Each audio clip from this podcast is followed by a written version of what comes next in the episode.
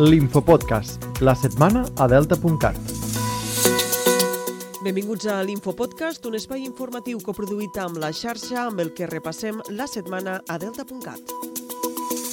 Esta setmana us hem explicat que Sant Jaume d'Enveja ha pogut resoldre ja els problemes de cobertura mòbil, almenys de manera provisional.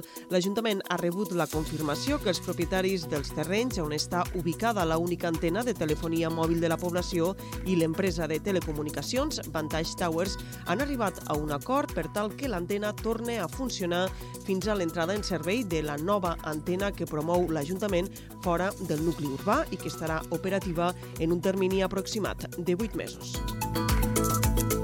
També ha estat notícia que l'Esturió ha tornat a les aigües del riu Ebre 50 anys després de la seva desaparició. Este dijous han estat alliberats al riu Ebre una quarantena d'exemplars que han estat portats des de França i s'han estat aclimatant durant 20 dies a les instal·lacions de l'IRTA de la Ràpita, on se'ls hi ha instal·lat també uns xips per a poder monitorar els seus moviments. El retorn de l'Esturió ha estat possible gràcies al projecte Life Migrato Ebre.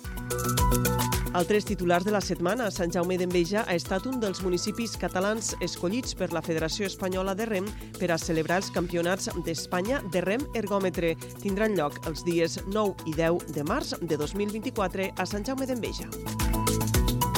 L'Ajuntament de l'Ampolla ha recollit les olives de totes les oliveres de propietat municipal que es troben en zones enjardinades i espais verds del municipi i l'oli que se n'ha extret s'ha donat a Càritas l'Ampolla.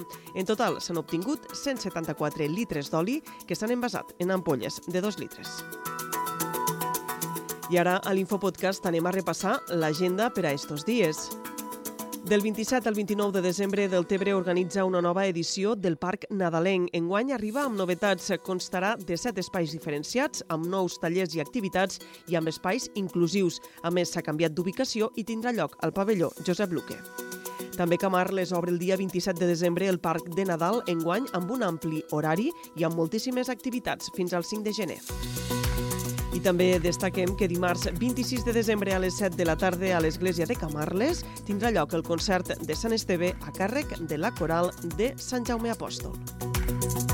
Trobareu moltes altres activitats del Nadal a la web de delta.cat. I fins aquí l'Infopodcast. L'Infopodcast, la setmana a delta.cat és una coproducció de delta.cat i la xarxa.